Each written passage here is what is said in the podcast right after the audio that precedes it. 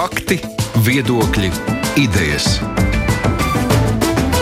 Raidījums Kruspunkta ar izpratni par būtisko. Studijā Mārija Ansone drīz pēc ārkārtējās situācijas izsludināšanas daudzās ārstniecības iestādēs ir pārtraukta pacientu pieņemšana klātienē. Nenotiek izmeklējuma, atceltas plānveida operācijas, bet kādi iedzīvotājiem ir iespēja saņemt medicīnisko palīdzību vai pieaugt ģimenes ārstu un neatliekamās medicīniskās palīdzības dienestu slodzi? Par to mēs runāsim šodien raidījumā. Mums atkal viesi ir attālināti un diskusijā piedalīsies neatliekamās medicīniskās palīdzības dienesta vadītāja Liene Cipule. Labdien!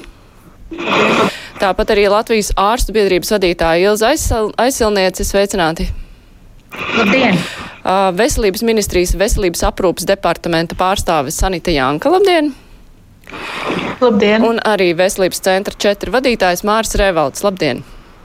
Sveicināt. Jā, vispirms jautājums veselības ministrijas pārstāvei. Um, tad kāds spēks un, nu, pamatojoties uz kādu lēmumu, ārstniecības iestādes tad nepieņem pacientus klātienē un uh, ir atcelts plānveida operācijas, vai tas ir kaut kāds vispārējais lēmums, obligāts visiem, vai arī atstāts katras ārstniecības iestādes ziņā pašai izlemt, pieņemt vai nepieņemt? Nu, es gribētu teikt to, ka šodien veselības ministrijā top rīkojums par veselības aprūpas pakalpojumu ierobežošanu. Nevis pilnīgu pārtraukšanu, bet ierobežošanu. Un šī gadījumā es gribētu teikt, ka tas ir vērsts uz to, lai mēs pasargātu pacientus, ārstus no inficēšanās ar šo vīrusu. Un katrā gadījumā izvērtējot tos pakalpojumus, kurus turpināt, um, Uh, viens no teiksim, tādiem uh, kritērijiem bija, lai mēs nodrošinātu uh, aprūpi hroniskiem pacientiem, pacientiem ar neatliekamām, neatliekamos gadījumos, akūtos gadījumos, kā arī tiem pacientiem, mm, kuriem ir jānodrošina terapijas nepārtrauktība. Tā nav, ka pakalpojumi tiek pārtraukti pilnībā, viņi tiek ierobežoti. Un eh, sniedzot šos pakalpojumus ārstniecības iestādēm, būs jāievēro visi piesardzības pasākumi saistībā ar šiem pakalpojumiem. Vai jūs varētu mazliet precizēt, nu, labi, ko nozīmē aprūpe hroniskiem pacientiem, neatliekam palīdzību? Tas ir tad, kad sauc ātro palīdzību, kas ir akūtie gadījumi, respektīvi, lai cilvēki, nu, kaut kā tīri praktiski saprot, ja, piemēram, nu, man kaut kas sāp, vai es varu iet pie ārsta izmeklēt šo sāpošo vainu. Tur cilvēkiem citreiz vajag ķirurga palīdzību, citreiz vajag zobārstu. Kā strādā, nu, tad tīri praktiski šī, kā varēs strādāt? Tīri praktiski tā palīdzība būs palīdzības sniegšana tajos gadījumos, kad pacientam ir noticis kāds akūts gadījums, vai tās ir sāpes vēderā, viņš var griezties poliklīnikā, vai tā ir trauma, vai tās ir zobu sāpes, vai tas ir augsts asins spiediens. Un šī gadījumā šī akūtā palīdzība nenozīmē tikai vienu speciālista konsultāciju, bet nozīmē, ka šeit tiek ietverti arī uh, izmeklējumi, tā skaitā laboratoriskie izmeklējumi un nepieciešamā ārstēšana. Un piesakoties eh, reģistrāturā uz šo pakalpojumu, pacienti tiek brīdināti, ka nevērsties um, ambulatorijās un arī stacionārās iestādēs, tad, ja ir augšējo elpošanas um, respiratoru vīrusu simptomi nevērsties reģistrā, bet šādi cilvēki var saņemt palīdzību, teiksim, ja viņam ir kāja salauzta, bet viņam ir klepa. Prot. Protams, tādā gadījumā izsaucot ātrā palīdzību un ievācot šo epidanamnēzi, arī šie pacienti, kam ir šīs vīrusu infekcijas, var saņemt šo uh, palīdzību. Šo palīdzību pārsvarā var saņemt stacionārajās ārstniecības iestādēs, jo tad, ja viņš pēc epidanamnēzes varētu būt aizdomīgs gadījums, tad šie pacienti tiek izolēti no, no citiem pacientiem un ar viņiem tiek strādāt kā ar šiem covid pacientiem. Jā, paldies par skaidrojumu. Es redzēju, aizsilnieces kundze grib ko piebilst. Un kā jūs vērtējat kopumā jā, nu, šādu lēmumu, kas tiks pieņemts? Uh, Nu, es domāju, ka droši vien ka vislabāk šo lēmumu var medicīnas iestāžu vadītāji novērtēt, bet es domāju, ka tā vienošanās, kas pašreiz ir uz divām nedēļām, ir ļoti racionāla un uh, atbilstoša situācijai. Skaidrs ir arī tas, ka uh, Covid situācija ir pilnīgi jauna situācija veselības aprūpē strādājošiem, visiem mediķiem, un uh, ka mums ir jāmācās, kā uh, mums ir jābūt tērptiem, kā mums ir jābūt aizsargātiem, kā mēs varam ātri dezinficēt telpas pēc šādiem pacientiem. Bet, nu, tas ir arī noteikti viens jautājums, kas mums ir jāmācās darīt kā mēs dzīvojam un strādājam apstākļos, kad apkārt ir covid, un arī pacientiem, kuriem ir covid, varbūt infarkts, varbūt daudzas citas lietas, mums viņiem ir jāsniedz palīdzība. Un es domāju, ka tās vadlīnijas jau ir diezgan skaidras slimnīcām. Mēs šorīt no rīta saņēmām ārstu biedrībā, saņēmām zvanus no ģimenes ārstiem, mēģinājām palīdzēt risināt. Paldies Dievam, viss atrisinājās, un neviens nebija covid pacients, tur bija pilnīgi citi stāsti. Bet tur es domāju, ka vienkārši jāskatās uz to, ka min, nu, ministrija ir vienojusies ar vadītājiem un arī ar no ārsta puses mēs, ka darām visu, lai pasargātu.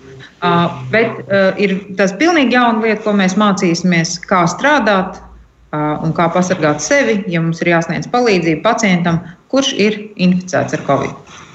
Jā, bet uh, man vēl jautājums arī Rēvalda kungam. Nu, sākotnēji izskanēja tā, ka bezmaz nevarēs strādāt neviena ārstniecības iestāde, arī daudz zobārstniecības jau atsaka pakalpojums uh, pacientiem, bet tagad izskatās, nu, pēc tā, ko stāstīja Veselības ministrijas pārstāve, ka tomēr daudz pakalpojums sniegt varēs, vai tas balans ir ievērots un lai cilvēkiem uh, palīdzību viņi saņemtu un tajā pašā laikā lieki neriskētu. Jā, nu, mums ir jāiz, jāveic šobrīd eh, diezgan sarežģīts un līdz šim nebijis vingrinājums. Būtībā mums ir jāiezīmē diezgan tāda eh, brīžiem sarežģīta novelkama tāda robeža, kuri gadījumi ir atliekami un kuri tomēr nav atliekami. Tad, tad mūsu pamatmērķis ir nepieļaut to, ka Covid šīs pandēmijas dēļ varētu tikt apdraudēta pacientu veselība, kuras slimo vai slimos vai vēl cietīs ar dažādām citām problēmām. Jo ne tikai Covid nogalina. Nogalina arī visas tās slimības. Tad, tad mēs varam, medicīnas profesionāļi var pievest ļoti daudz piemērus gandrīz katrā medicīnas disciplīnā. Un, Šobrīd mēs kopā ar Veselības ministriju un paldies arī Ilzai Eselniecei ar ārstu biedrības līdzdalību Vakar mēģinājām šo robežu novilkt, šodien viņa tiks precizēta, bet ir skaidrs, ka būs kaut kādi gadījumi, kurus mēs nekad nevarēsim paredzēt. Un, līdz ar to mēs esam vienojušies, ka mums būs aktīva saziņa un medicīnas profesionāļi izlems, kā rīkoties. Jebkurā gadījumā es domāju, ka arī mūsu rīcības standarts būs balstīts tāds, ka pacienta intereses ir augstākas par visu šobrīd, un jebkāda vairāk vai mazāk pacienta veselību, darba spējas vai invaliditāti potenciāli izraisoša problēma noteikti tiks risināta. Un mēs Hipokrāta zvērstu neaizmirsīsim. Bet ir, protams, jautājumu lokus, kas nav tik viegli, es jau mēģināju izzīmēt, piemēram, ko darīt ar medicīniskiem abortiem. Piemēram, ja, tas jautājums nav atrisināts. Es saprotu, ka ir dažādi veidi obligātās pārbaudes. Es dzirdēju no Veselības ministrijas, ka ir notikusi starptautiskā vienošanās, ka varēs atlikt, piemēram, obligātās veselības pārbaudas jūrniekiem, veselības pārbaudas tiem, kam ir jāsaņem autoritāte tiesības vai ieroču atļaujas. Un, līdzīgi arī tas, ko sauc par OVP, šīs obligātās veselības pārbaudas dažādos kaitīgos apstākļos strādājošiem. Tā kā Paldies arī par ziņu, ka tiek pieļauta arī diagnostika.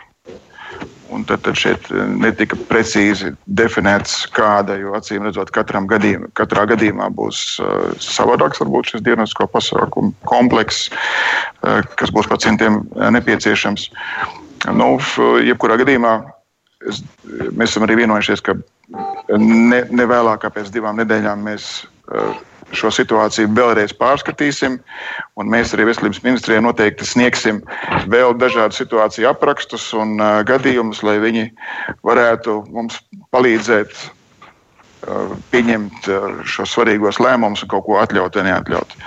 Arī par zobārstniecību runājot, šeit jau veidojas situācija, jo, teiksim, sazinoties ar veselības ministrijas galveno speciālistu, ko izdarīja viena no mūsu darbiniecēm, nu, tā nostāja ir diezgan radikāla, ka, ja gadījumā ir problēmas ar zobiem, tad galvenā ārstēšanas metode ir neatliekama palīdzība, kas ir saistīta ar zobu ekstrakciju vai izraušanu un tam līdzīgi. Un, nu, mēs tomēr gribam saprast, ko darīt, ja zobs ir nolūzis vai ir izkritus plombi un pacients tieši, piemēram, sāpes, iet kā neaizkārts nervs, vai tiešām nevar ielikt pagaidu plombēt to zobu, tomēr aizplombēt vai, vai salabot nolūzušu zobu. Tā kā tur noteikti vēl parādīsies kaut kas tāds, ko mēs jau tagad saucam par tādu kā pelēko zonu. Un, uh, es domāju, ka mums visiem ir jāspēj operatīvi korrigēt šīs rīcības, jo ne visus mēs varēsim aizsūtīt uz uh, lielo slimnīcu uzņemšanas nodaļām, un ne visur mēs varēsim paļauties, ka neatliekos palīdzības dienests, kurš tāpat ir ļoti noslogots, varēs nu, visu atrisināt. Jā, par tām precīzākajām lietām mēs mazliet vēlāk arī runāsim. Jautājums Cipuls kundzei. Pareizi pare, arī tikko nu, pat tika pieminēts, ka parasti ir, ja kaut, ja tiek ierobežota kaut kāda ambulatorā aprūpe, to pirmām kārtām jūt eh, neatliekamās medicīniskās palīdzības dienests. Vai jūs to jau jūtat, un vai jūs uzskatāt, ka nu, tas ir tā vērts, lai pasargātu mediķus? Nu, nenoliedzami pēdējās dienās, pat atslogojot 113 zvanus no laboratorisko izmeklējumu pieteikšanas, vienalga uz tālruni 113 zvanu skaits diennaktī pieaudzis pa 400 līdz 600 zvaniem. Un, Tas, protams, ir liela slodze mūsu dienestam, bet otra lieta ir tā, ka mēs paši arī iekšēji esam lēmuši par samazinātu veikto izsaukumu skaitu. Tādēļ, ka uh, dienests arī gatavojās tātad um, smagāku pacientu iespējamai transportēšanai, mums ir daudz sarežģītāk uh, organizēt darbu, velkot šos aizsargtērpus. Jo no stundas uz stundu faktiski tiks pieņemts lēmums, ka katrs izsaukums ir ar covid risku, ja tiek izziņot iekšēji transmisija uh, Latvijā nekontrolēta. Un līdz ar to dienesta pienākums ir samazināt savu izsaukumu skaitu, kas ir paredzēts arī katastrofu medicīnas plānā. Tātad trešās un ceturtās prioritātes izsaukumus uh, ir tiesības atteikt. Tas nozīmē, un, ka, ka, kas tie ir pa gadījumiem, kad jūs varētu atteikt atbraukt pie pacienta? Nu, tie ir tie gadījumi, par kuriem mēs runājām iepriekšējā laikā diezgan daudz. Tātad sekundārie tā saucamie izsaukumi, kur nav tiešu dzīvības draudu, bet kuriem, kur ir pacientam kāda problēma, ko viņš nav varējis atrisināt savā vai primārās aprūpes ārstu, vai viņš nav nopircis kādu medikamentu, vai viņam ir steidzams, varbūt palīdzība vajadzīga ar sīku traumu saistīta. Agrākā laikā dienests ļoti daudz veids darbus, lai tie izsaukumi mazinātos.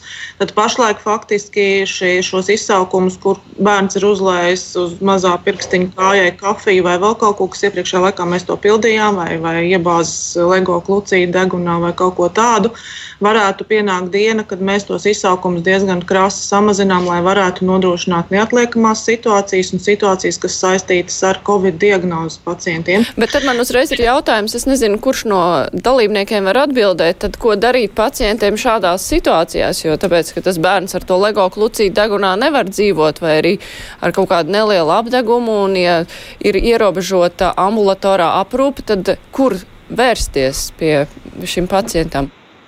Ambulatorā aprūpe jau mēs sakām, viņi nav. Nu, šie ir akūtie gadījumi. Šajos gadījumos ambulatorā aprūpe nav ierobežota. Es domāju, ka ap, kā, gadījumā ar apgabumu noteikti var doties pie ģimenes ārsta. Šādu visā pasaulē risina arī mūsu ģimenes ārsts. Risina. Protams, man var teikt, ka ir daži ģimenes ārsti, kur ne, neveic pārsiešanas, bet viņiem ir nu, citi kolēģi, kas to dara. Nu, ar šādu te, nu, es domāju, ka Nu, jāsaka tā, ka par to bērnu, kuram LEGO klucītis ir degunā, tur uh, var arī ļoti daudz vienkāršas lietas mājā izdarīt. Tur nav obligāti jāskrien pie ārsta.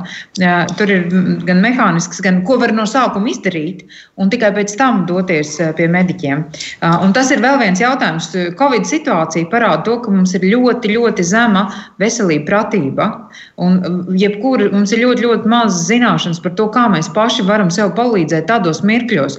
Jo, jo te ir ļoti būtiski būtiski. Viņš tikko ir iebāzis to LEGO klucīti. Ir svarīgi galvu noliekt uz leju un svarīgi panākt to, ka mēs viņu to galvu nu, nu, ne, ne, nu, ne, neko tur neliekam iekšā un nemēģinam bāzt viņu tālāk. Nu, zemes gravitācijas spēks daudzos jautājumos mums palīdz.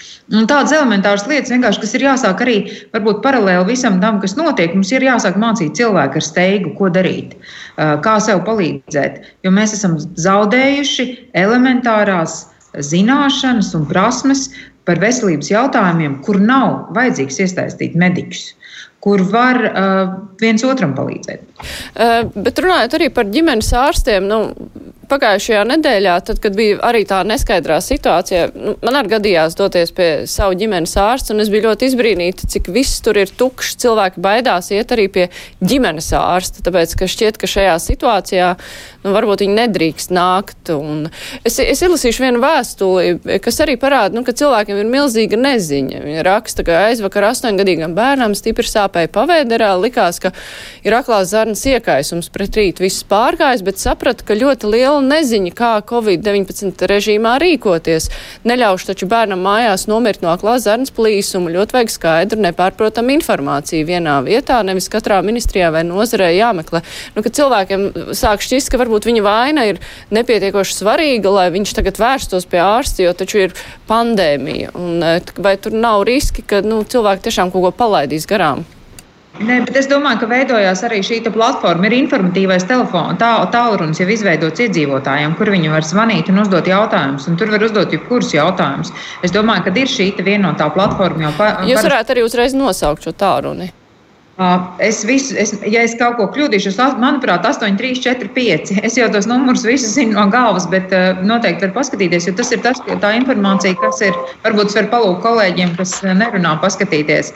Jo veidojās, veidojās dažādas platformas, būs, kas būs chatboti, WhatsApp vai, vai citās platformās. Par to tiek domāts. Uh, Un, protams, ka vajag atcerēties, ka arī nu, var jau doties uz to veselības aprūpas iestādi. Tikai mums ir jāievēro divu metru distance vienalga. Veikalā, uz ielas, vienalga kādā iestādē, arī medicīnas iestādē, ievērojama distance. Pēc tam medicīnas iestādēs ir ļoti daudz jau ieslēgti teiksim, visi citi mehānismi, kas attīra arī gai, nu, gaisu. Dažādi ventilatori tiek izmantoti un, un, un dažādi starojumi, kas iznīcina vīrusus un baktērijas. Uh, un turklāt uh, es domāju, ka medicīnas darbinieki visiem arī ir aizsargi. Līdz, līdz ar to viņi pasargā sevi, viņi arī pasargā citus no sevis uh, inficēšanas. Var arī uzlikt masku priekšā. Un masku var uztaisīt ļoti vienkārši. Kaut vai, nu, ja viņi nav nopērkami, var no elementārām lietām uztaisīt nelielu masku, kaut vai lakatā aizlikt priekšā, lai netrāpa uz ļotādām.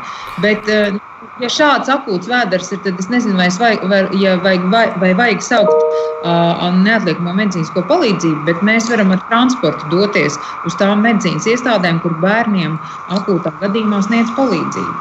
Cipuls kundze gribēja ko piebilst. Jā, es gribēju teikt, ka paralēli tam, ka mēs strādājam ar 113 izsaukumiem, tad esam arī dubultojuši ģimenes ārstu konsultatīvā tāluņa darbu. Un, ja iepriekšējā laikā mums, eh, viņš strādāja tikai ārpus darba laika un brīvdienās, tad pašreiz viņš strādā cauri diennakti. Arī tur zvanu skaits ir būtiski audzis. Ja agrākā periodā tie bija apmēram 400-500 izsaukumu, nu, tāda zvana dienā, tad pašlaik mums ir bijuši dienas pat 1700 un vairāk izsaukumi. Tā, nu, tie zvani, kur cilvēkiem ir iespēja zvanīt tajās situācijās, kurās ir vajadzīgs medicīnisks padoms. Protams, ka mēs gribētu, lai cilvēki vispirms izvēlas savu ģimenes ārstu, jo savs ģimenes ārsts tomēr zina vairāk par šī cilvēka visām fona saslimšanām vai, vai vispār kāda ir šī situācija ģimenē, arī sākot no sociāliem faktoriem un pārējiem. Bet tātad šis iespēja zvanīt uz ģimenes ārstu konsultatīvo tālruni pašlaik ir paplašināta un arī to var darīt. Jā, bet ehm, šeit jau tika aizskarts temats par to diagnostiku, kādā apmērā arī par zobārstiem. Tad kāda apmēra palīdzību viņi var sniegt? Ehm, tad jautājums ir Jankas kundzei, vai tas jau ir tiek precizēts, tad eh, nu, kādā apmērā šī diagnostika var notikt un eh, kurš būs tas, kurš pateiks, ka šajā gadījumā vajag vai nē, vai tas ir ārstējošais ārsts vai kāds cits. Tieši tāpat arī par zobārstu. Tad eh, cik lielā apmērā šos pakalpojumus cilvēks var saņemt? Nu, lai nav gluži tiešām jebkas pie sāpēm jārauj vienkārši laukā zops. Šī gadījumā šo izmeklējumu pakalpojumu apjomu nosaka ārstējošais ārsts, jo katrs gadījums ir individuāls un ārstējošais ārsts būs tas, kurš pateiks tieši, kuri ir tie izmeklējumi, kuri ir tie laboratoriskie izmeklējumi un kāda ārstēšana ir pacientam nepieciešama šajā situācijā. Tāpēc Definējot visus šos gadījumus, mēs nevaram precīzi nosaukt izmeklējumus un precīzi definēt uh, diagnozes. Tāpēc mēs šo atstājam ārstējošā ārsta ziņā, ka tas ir tas cilvēks, kurš izlemj, cik liels apjoms šī gadījumā ir jāsaņem pacientam. Un attiecībā par, par zobārstniecību. Tātad zobārstniecības pāriet tikai uz akūto un neatliekamo palīdzību. Uh, Un, uh, arī, Tas nu, ir tikai zoba raušana, vai tomēr drīkst kaut ko labot? Uh, nu, tas ir jāskata arī katrs gadījums individuāli. Nu, arī šī zobu raušana jāskatās arī nu, katrs konkrētais gadījums. Nu, visticamāk, ka tā nav tikai zobu raušana. Nu, es gribu teikt, ka nu, pirmkārt, zobārsti jau paši, būsim godīgi, zobārstniecība nav aizliegta ja cilvēkam sāp zobs, viņam nerauj zobārā. Jo, nu, mēs visi strādājam to, lai saglabātu vislabāko iespējamo veselību, kas ir. Uh, bet nu, te ir jautājums, vai ir vajadzīgs veikt kaut kādas kosmētiskas lietas. Nu, teiksim, ir, protams, ka būs varbūt zobu lietas kaut vai arī, kur bērniem vai lieliem cilvēkiem notiek šie zo, zobu regulācija, un kur nu, ir jautājums, vai var gaidīt vai nevar gaidīt divas nedēļas. Bet vajag atcerēties to, ka nu, cilvēki ir saprātīgi, viņi paši tiešām ļoti cenšas tagad konsultēties attālināti un neiet uz medicīnas iestādēm. Un, ja nu tas zobs sāpēs, nu, tad zobārsts neraus ārā vienkārši zobu. Un, ziniet, nu, ministrija absolūti vai, vai vēl kāda organizācija vai nu, medicīnas iestādes galvenais ārsts jau nepateiks, nē, mēs tikai raujam zobus. Nu, muļķības. Mēs ārstējam un palīdzam cilvēkam, kuram sāp zobs vislabākajā veidā, kādā mēs to varam palīdzēt. Nu, tas ir pilnīgi skaidrs. Es domāju, ka dr. Revels tur varētu noteikti vislabāk izstāstīt. Jā, Revelkungs. Jā, jā, nu, vēlreiz tā mūsu izpratne, un es ceru, ka tas sakrīt ar veselības ministrijas izpratni tāda, ka vēlreiz mēs rīkojamies loģiski. Un bez minētās gadījuma ar zobārstniecību ir tad, tad ja piemēram no rītdienas stājās spēkā šie jaunie noteikumi, tad ir skaidrs, ka, ja pacientam vakar veikt operāciju, tad skaidrs, ka drīkstēs viņam izņemt diegus. Mēs tāpat drīkstēsim nobeigt iesāktas kaut kādas medicīniskas manipulācijas, kur ir vajadzīgi atkārtotas ārstu apmeklējumi un tam līdzīgi. Tad mēs noteikti pabeigsim visu, kas ir iesākts. Ja? Tas arī ir ļoti svarīgi zināt. Un, uh, acīm redzot, es vienkārši atgriežos pie tā, ko es jau teicu. Nu, ir visur jāvadās pēc kaut kādas uh, loģikas. Mēģinājums tagad aprakstīt visas pasaules situācijas ir vienkārši neiespējams. Tas nav iespējams izdarīt. Uh, vienkārši pašiem ārstiem kopā ar pacientiem jāsaprot, kuras lietas tiešām var atlikt. Ja? Un skaidrs, ka var atlikt teiksim, estētisko medicīnu, var, var atcelt eh, estētisko ginekoloģiju, tādu nozari, var eh, atcelt eh, estētisko zobārstniecību, kas ir saistīts ar zobu skaistināšanu vai kaut kādiem protezēšanas darbiem, ar tiem tiešām var pagaidām pagaidīt. Ja? Bet būs tad, tad nevienmēr ārkārtīgi precīzi aprakstāmā šī neatliekamā sadaļa. Ja? Tie gadījumi ir tik daudz, un es domāju, ka arī klausītāji vai skatītāji noteikti patreiz domā par dažādām situācijām. Tas, kā mēs saprotam mūsu turpmāko rīcību, ka viņi būs balstīti loģikā, un mēs nekādā gadījumā neveiksim neko tādu, kas varētu ar, ar savu bezdarbību neveicināsim tādas situācijas, kad pacientiem rasties kaut kāda kaitējuma. Protams, ka vienlaicīgi arī šķirojot, ka protams, būs situācijas, kuras nav mūsu kompetencijām, kur būs izmantojot vai NMPD vai kaut kādā veidā patiešām jāsūt pacienti arī uz neatliekamās palīdzības dienestiem pie lielajām universitātes slimnīcām un citām reģionālām slimnīcām, kuras turpina strādāt. Jā.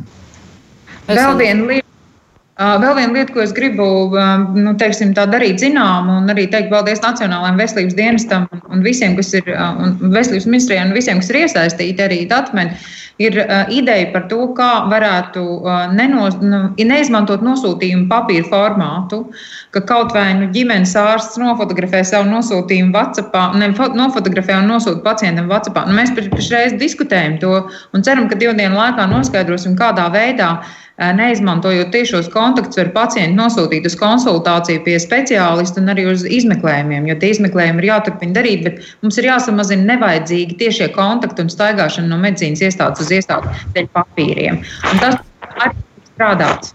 Mēs ceram, ka mūs par to neviens nesodīs arī, jo līdz šim ir ļoti bieži bijis tāda birokrātiska pieeja, ka ir jābūt īstam tā, ārsta parakstam, tādiem papīriem. Un vēlreiz es ceru, gan, ka gan veselības inspekcija, gan varbūt arī veselības ministrijas svētība šeit tiks pieļauts kaut kādas atkāpes no līdzinājās kārtības. Jā, mums ir piezvanījis klausītājs. Paklausāmies un pēc tam komentēsim. Halo!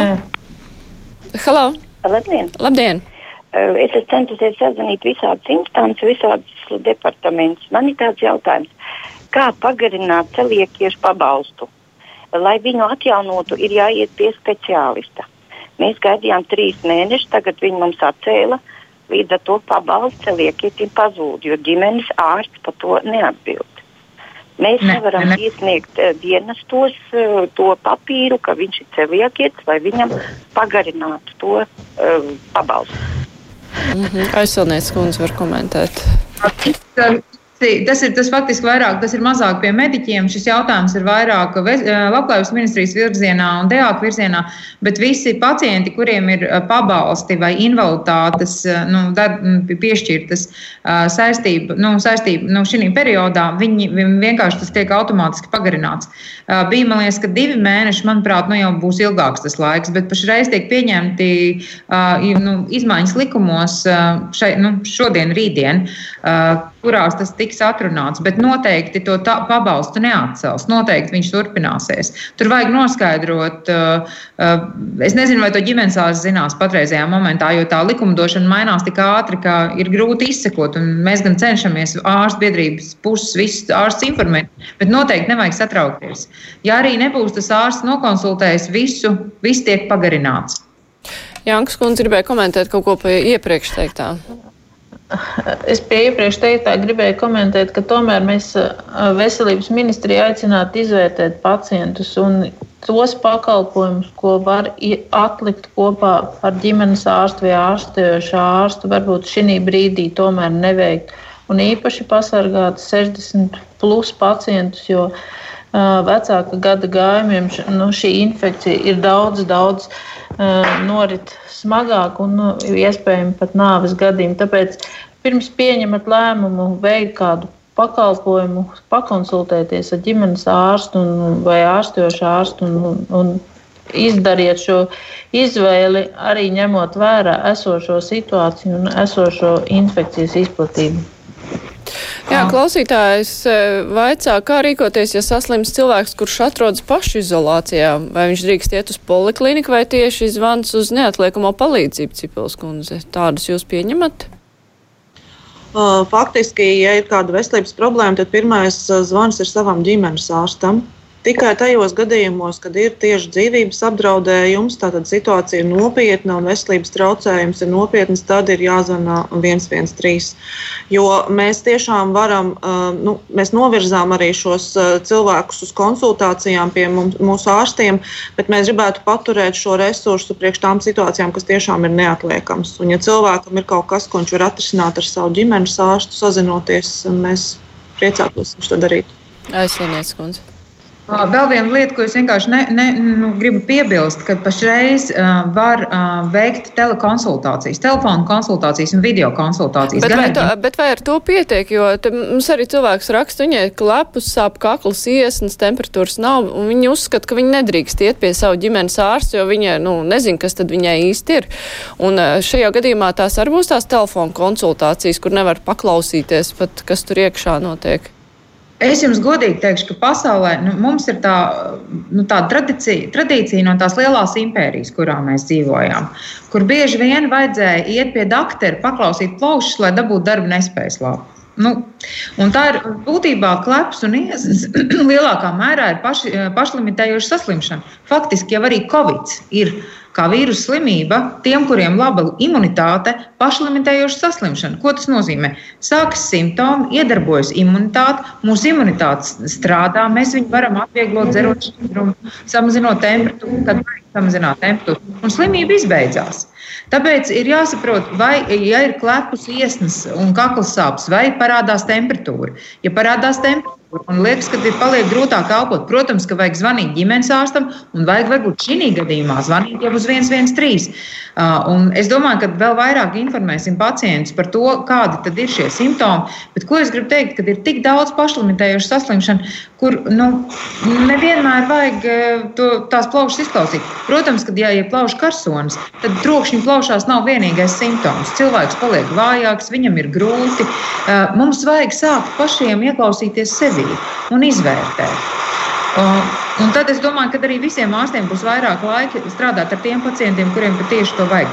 Bet šī gadījumā, ja tādi simptomi, mēs zvanām ārstam, ģimenes ārstam, kurš pacientu teiksim, novēro pēc dienas atkal sazvanās. Ja temperatūra paaugstinās, ja pieaug simptomi, tad noteikti ir jā, un ja ir bijis kontakts vai aizdomas par, par inficēšanos ar covid, ir jātaisa analīzes, protams, ja nē, sekojam un darām visu, kas jādara akūts vīrusu saslimšanas gadījumā. Nu, jo tur ir jautājums, dot antibiotikas vai nedot. Bet tas var pagaidīt. Un to var arī ļoti skaisti novērot pēc simptomiem.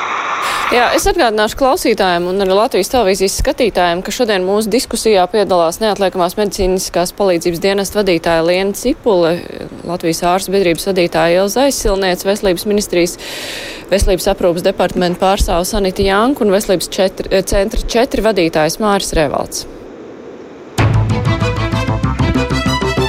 Raidījums Krustpunktā. Jā, mēs jau sākumā pieminējām, ka šie ierobežojumi medicīnas pakalpojumu sniegšanā ir saistīti ar to arī gan ar pacientu, gan arī ar ārstu drošību, lai neaplipinātu tajā skaitā arī ārstniecības personas ar šo vīrusu neatliekamās medicīniskās palīdzības dienestā. Tur šie drošības pasākumi tiek, nu, tajā tad, kad notiek jebkāda saskara ar, pas, ar pacientu, tie ir šobrīd pastiprināti. Es saprotu, nu viena lieta ir, ja brauc jau pie kāda aizdomīga pacienta, kurš varētu būt slims ar koronavīrusu, bet kā notiek citos gadījumos, vai jums ir kaut kāda pastiprināta aizsardzība paredzēta? Jā, mēs pārskatām savus aizsardzības algoritmus um, faktiski jau katru dienu. Uh, Jo sākotnēji mēs vairāk reaģējām uz aizdomām par covid. Tad, ja cilvēks bija bijis Ķīnā, tad mēs sākām reaģēt arī uz aizdomām, ja cilvēks bijis Eiropā, Itālijā, nu jau jebkura vieta pasaulē, un viņam ir šie saslimšanas simptomi. Tad no šodienas mēs jau faktiski reaģējam uz katru elpceļu saslimšanu ar pastiprinātu aizsardzības līdzekļu lietošanu priekšpersonālu. Un visdrīzāk, tuvāko dienu laikā, ja tiks izziņot šī iekšējā transmisija, mēs uz katru izsaukumu dosimies ar attiecīgu aizsardzības līdzekļiem. Tas gan nenozīmē, ka visos izsaukumos jūs mūs redzēsiet ar uh, pilno kombinezonu un pilno aizsardzības uh, ekipējumu. Tas ir paredzēts ļoti konkrētiem uh, gadījumiem, bet faktiski katrs izsaukums var būt risks uh, neatliekamās palīdzības brigādē. Tieši iemesla dēļ arī tiek ierobežot tie izsaukumi, kuri nav neatliekamās neatliekami, lai mums nebūtu ļoti nepaukstināto šis aizsardzības līdzekļu patēriņš tur, kur mēs varētu to nedarīt. Un tas ir tas aicinājums eh, cilvēkiem vienmēr izvērtēt, vai situācija ir tāda, ka ir jāsauc neatliekamās palīdzības dienests, vai viņu var izsnākt kā savādāk. Bet, eh, ja mēs runājam par ārstniecības iestādēm, gan slimnīcām, gan arī poliklīnikām, veselības centriem, vai ir eh, kaut kādi īpaši noteikumi, kas tagad ir jāievēro mm, ārstniecības personām, arī tieši runājot par aizsardzības līdzekļiem, vai arī tas ir katras pašas iestādes ziņā, kā viņa rīko šos aizsardzības pasākumus? Tiek izdotas vadlīnijas, pie kam tās izdod gan Pasaules veselības organizācija, gan Eiropas slimību profilakses kontrolas centrs.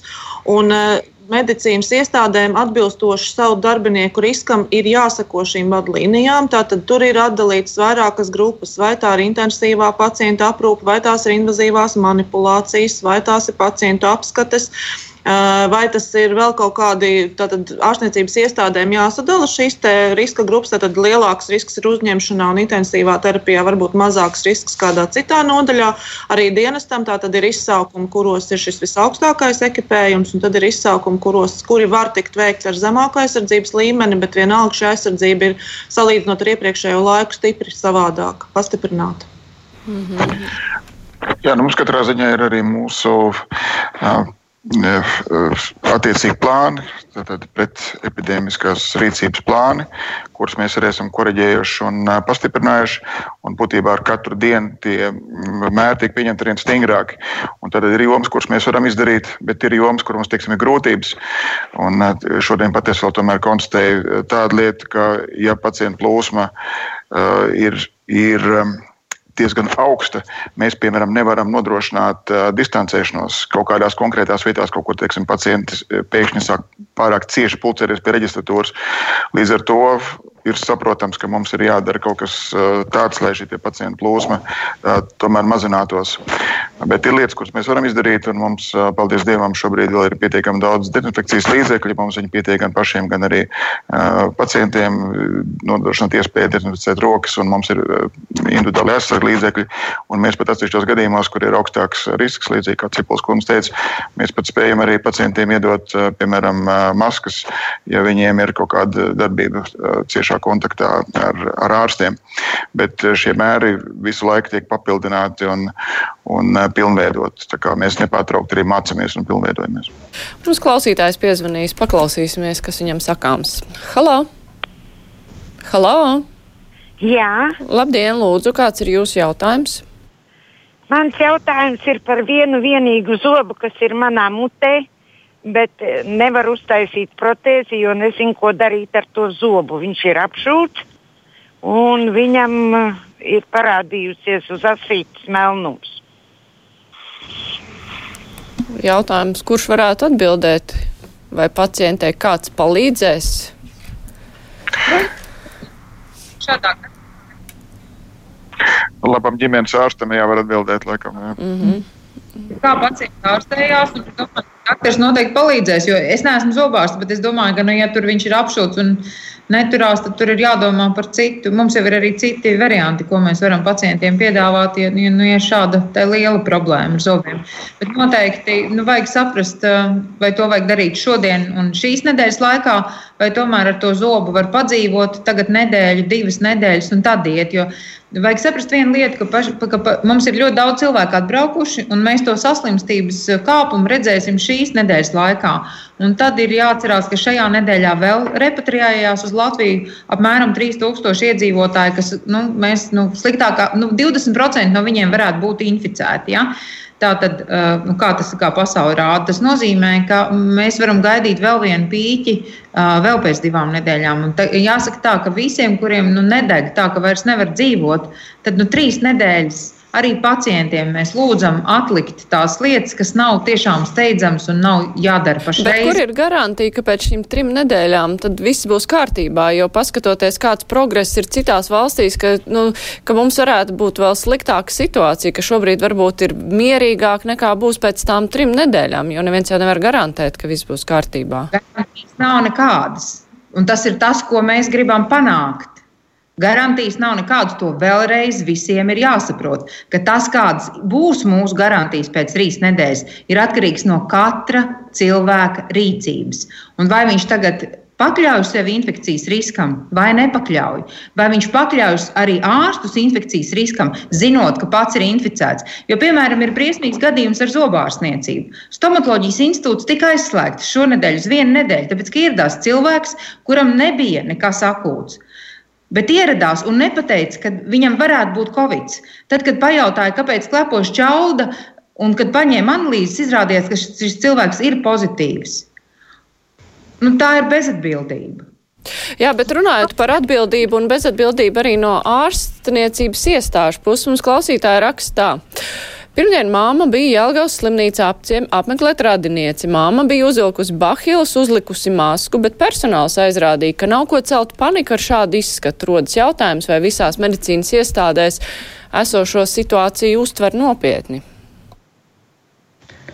Es gribētu teikt, ka šo situāciju visas iestādes uztver nopietni, un iestādēs ir ierobežots vai pat vietām aizliegts pacientu apmeklējums ārstniecības iestādēs. Tas ir tādēļ, lai mēs pasargātu gan tos pacientus, kas ārstējas, jo tie ir smagi slimnieki, un viņiem inficēšanās ar šo infekciju var būt ļoti bīstama, gan arī personāli. Tāpēc nu, ļoti ir jāpārdomā, vai ir vajadzīgi šie apciemojumi, var sazināties telefoniski vai kādā citādā veidā. Bet, uh, Šī gadījumā tomēr ievērot katras ārstniecības iestādes noteiktos karantīnas.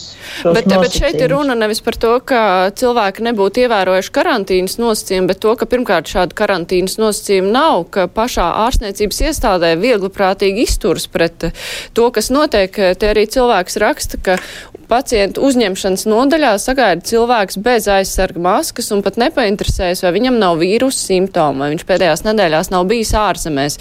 Respektīvi, vai no iestāžu puses šī atbildība ir pietiekoši liela, cilvēki būtu gatavi ievērot, bet tajā, bet viņi pretī sagaida ne, noteikumu neievērošanu viens no pirmajiem noteikumiem, ko izdarīja veselības ministrija, un ko es domāju, tomēr katra ārstniecības iestāde ievērot, tad mums ir stingri noteikts, kuram pacienta kontingentam ienākšana ārstniecības iestādē nav atļauta. Ja, tie ir tie, kas ir bijuši kontaktā, kur ir bijuši ārzemēs un nav uh, pagājuši šis 12 dienu uh, nosacīties karantīnas periods un tā tālāk. Šāds uzraksts ir pie katras ārstniecības iestādes durvīm, un uh, pacientiem vajadzētu viņus redzēt. Jau neienākt, bet, ja viņi gadījumā ienāk, tad, cik es zinu, tad lielākā daļa ārstniecības iestādes liek pacientam parakstīt.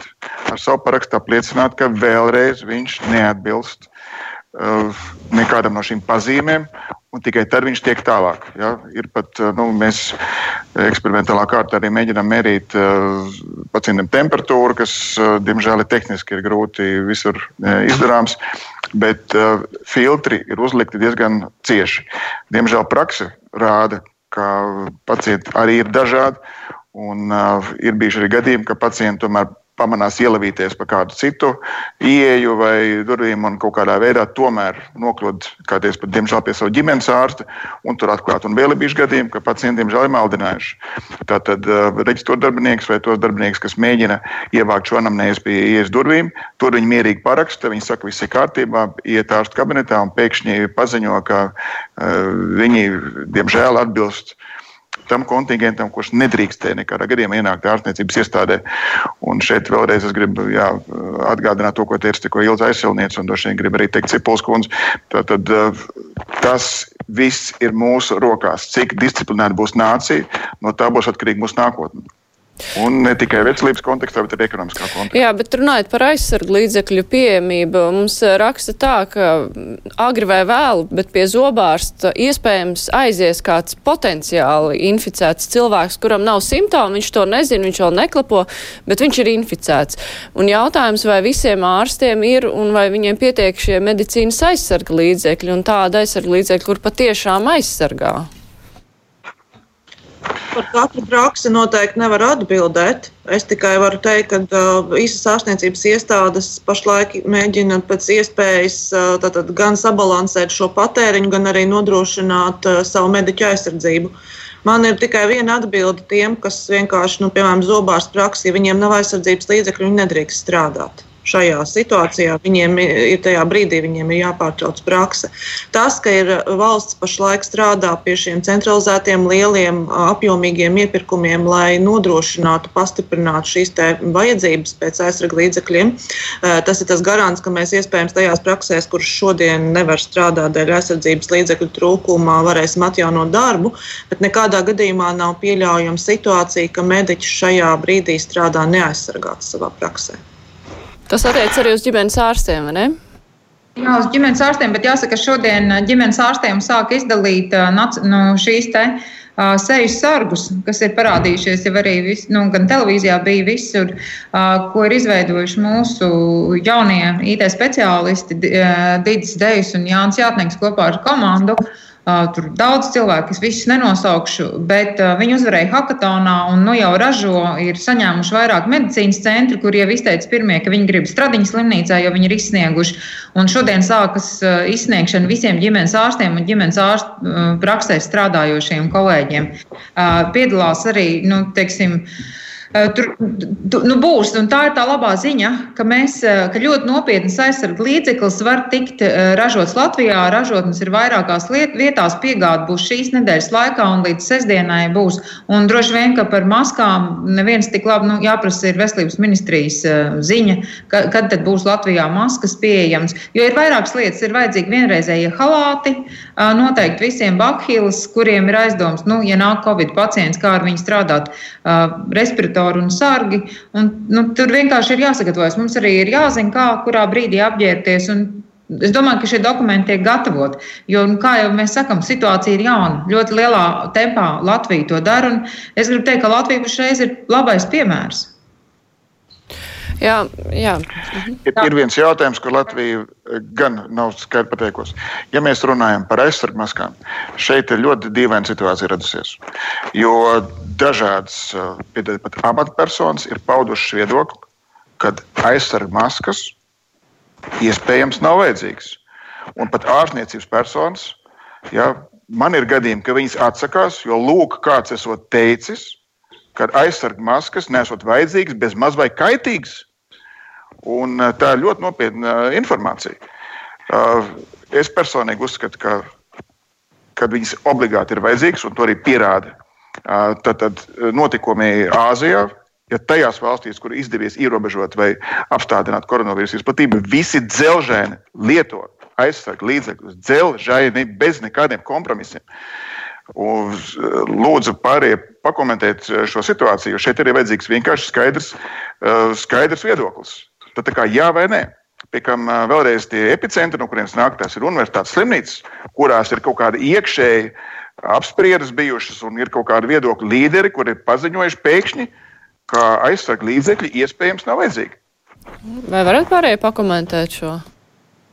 Es gribētu dot vārdu Jankas kundzei, ja drīkst, jo viņi var par maskām vislabāk. Mēs neviens tik labi to nezinām. Es domāju, viņi varētu. Kas attiecas par aizsargu līdzekļiem, tad mēs pieturamies pie Pasaules veselības organizācijas rekomendācijām. Katrā gadījumā mēs, kā veselības ministrijā, aicinām um, pieturēties pie šīm rekomendācijām, nevis uh, to, ko pauž atsevišķas personas. Slimību profilaks centrā ir ar mājaslapā ir informācija par šiem aizsargu līdzekļu lietošanu. Tā kā būtu jāpieturas pie Pasaules veselības organizācijas. Bet jūs sakat, bet, bet jūs sakat ka būtu jāpieturās, Revalkungs minēja, ka vajag dzelžaini to darīt. Vai var tomēr izstrādāt noteikumus, tiek... nu, ka tas ir jādara vienkārši? Izstrādāt. Noteikumi ir izstrādāti. SPKC mājaslapā ievietot jau. Vienkārši lūgums visiem sekot. Revalda kungs kā kārtīgs organizators saka, ka dzelžaini. Nu, nu, tāpēc daram dzelžaini. Šī informācija ir slimību profilaks centra mājaslapā, un tā ir tā oficiālā informācija, kuru pauž veselības ministrija un veselības ministrijas pakļautības iestādes. Un katrā gadījumā ir jāievēro tieši šīs rekomendācijas. Acīm redzot, pēc Revolta kunga teiktā, jāpastiprina vēlreiz akcentēt, jāvērš uzmanība tieši uz šo. Bet, Mm -hmm. Neatliekamās palīdzības dienestā droši vien, ka šāda problēma nepastāv. Tur visi ievēro to. Nu, jāsaka, ka mēs uh, slimību profilaks kontrolas centrs izstrādājam vispārējas prasības, bet tieši dienestam mēs strādājam paši. Un, uh, mēs viņas izstrādāt sākām jau 23. janvārī, kad uzzinājām par notikumiem Uhaņā. Un jāsaka, ka šajā laikā ir ļoti daudz kas mainījies, jo vīrusu tiek izpētīts, bet aizsardzības līdzekļi no paša sākuma bijuši pat, pat ļoti augstas bija prasības sākotnēji. Tagad tās ir mazinātas, iepazīstot šo vīrusu. Bet uh, vi, mēs, mēs faktiski strādājam jau pēc tādām pasaulē izstrādātām vadlīnijām savos aizsarglīdzekļos. Jā, mums, eh, spriežot pēc klausītāju vēstulēm, ir tomēr ļoti liela neizpratne, ko darīt cilvēkiem ar kaut kādiem pakalpojumiem medicīnas, kas ir iepriekš plānoti. Un, uh, klausītāji grib saprast, vai pirmkārt saglabājas onkoloģijā zaļais koridors. Citam klausītājam viņam piekdien jābūt gaļazarā uz punkciju, vai viņam ir jāatsaka vizīte, vai tā vizīte būs. Tad kā rīkoties, vai ir vienkārši jāprasa vai no ārstniecības iestādē, vai ir kaut kādas lietas, no ar ko var pilnīgi droši rēķināties? Pilnīgi drošība rēķināties visi onkoloģijas pacienti, un tā skaitā onkoloģijas zaļais koridors. Viņš uh, darbojas, viņš netiek pārtraukts, un netiek pārtrauktas arī onkoloģiskās operācijas, un netiek pārtrauktas dzīvību glābjošas. Izmeklējumi arī? Izmeklējumi arī, jā, jā, jā. Attiecībā uz onkoloģiju visi izmeklējumi tiek saglabāti. Un, ja cilvēkiem ir neskaidrības kaut kādas, būs pakalpojums, ja nebūs, tad vienkārši jāzvan uz to iestādi, kur viņam ir paredzēts. Nu, vai uz iestādi, vai uz, arī uz Nacionālā veselības dienesta informatīvo tālruni, kur arī būs šī informācija, un tur varēs noskaidrot. Kas attiecas par tiem, kam ir bijusi plānveida rinda, viņa jau saglabāsies. Vienkārši šis pacients šo pakalpojumu saņems vēlāk, nu, pēc divām, trim nedēļām vai pēc mēneša. Nu, skatoties, kāda būs šī situācija, jo uz doto brīdi mēs arī nevaram prognozēt, kas būs rīt, kas būs pēc nedēļas. Tāpēc arī šos pakalpojumus, ko mēs ierobežojam, mēs vērtēsim. Mēs vērtēsim, vai mums ir vajadzīgi stingrāki ierobežojumi, vai mēs varam palikt pie esošā, vai kaut kas šajā kārtībā ir jāmaina. Tā kā, nu, mēs stingri monitorēsim un vērtēsim šo pakalpojumu grozu, ko mēs esam noteikuši uz doto brīdi. Bet nu, kas ir tas labais scenārijs? Nu, kad cilvēki varētu rēķināties, ka pēc tā mēneša viņi tiks, nu, kad viss tā kārtība tiks atjaunot, kam ir jānotiek Latvijā, lai tad varētu atkal atvērt visus pakalpojumus. Jo, nu, droši vien, ka saslimus cilvēki tāpat ar eh, koronavīrusu slimos, mēs netiksim galā ar šo epidēmiju, bet kādām tendencēm ir jābūt, lai mēs varam justies drošāki? Nu, Šī gadījumā ir jāskatās, kāda ir saslimstības izplatība, vai būs iekšējā transmisija vai nē. Tad, atbilstoši tam, ko teiks mums epidemiologi un slimību profilakses centrs, tad mēs arī vērtēsim par tālākiem pakalpojumiem. Uz doto brīdi mēs neviens nevaram pateikt ne precīzu datumu, ne laiku, kad šie veselības aprūpes pakalpojumi būs pilnā apmērā. Bet katrā gadījumā mēs domājam par to, Uh, lai pacienti saņemtu uh, nepieciešamo palīdzību un arī būtu šī terapijas nepārtrauktība. Kādam vēl ir citam versija, kam ir jānotiek, lai mēs varētu cerēt uz to, ka šos pakalpojumus var atjaunot? Nu, kam ir jābūt? Jo vai tam saslimstībai ir, mums vienkārši divas minūtes ir tikai palikušas, vai saslimušo skaitam ir jākrītās, nu, nu jaunatklāto gadījumu skaitam, kam ir jābūt, kam jāsako? Nu, jāsaka, protams, lai nav jaunatklāti, jo lai nav, nenāk katru dienu klāt un klāt. Nu, Tanī dienā, kad uh, skaits būs jauno pacientu, nu, skaits, jauno gadījumu skaits ir nulle, uh, tad mēs esam sasnieguši kaut kādu teiksim, drošību, ka tas vīrus tik traki vairs neizplatās valstī. Bet kamēr viņi kāpj, mums ir jārēķinās ar to, ka mūsu dzīve būs izmainīta. Mm -hmm. Jā.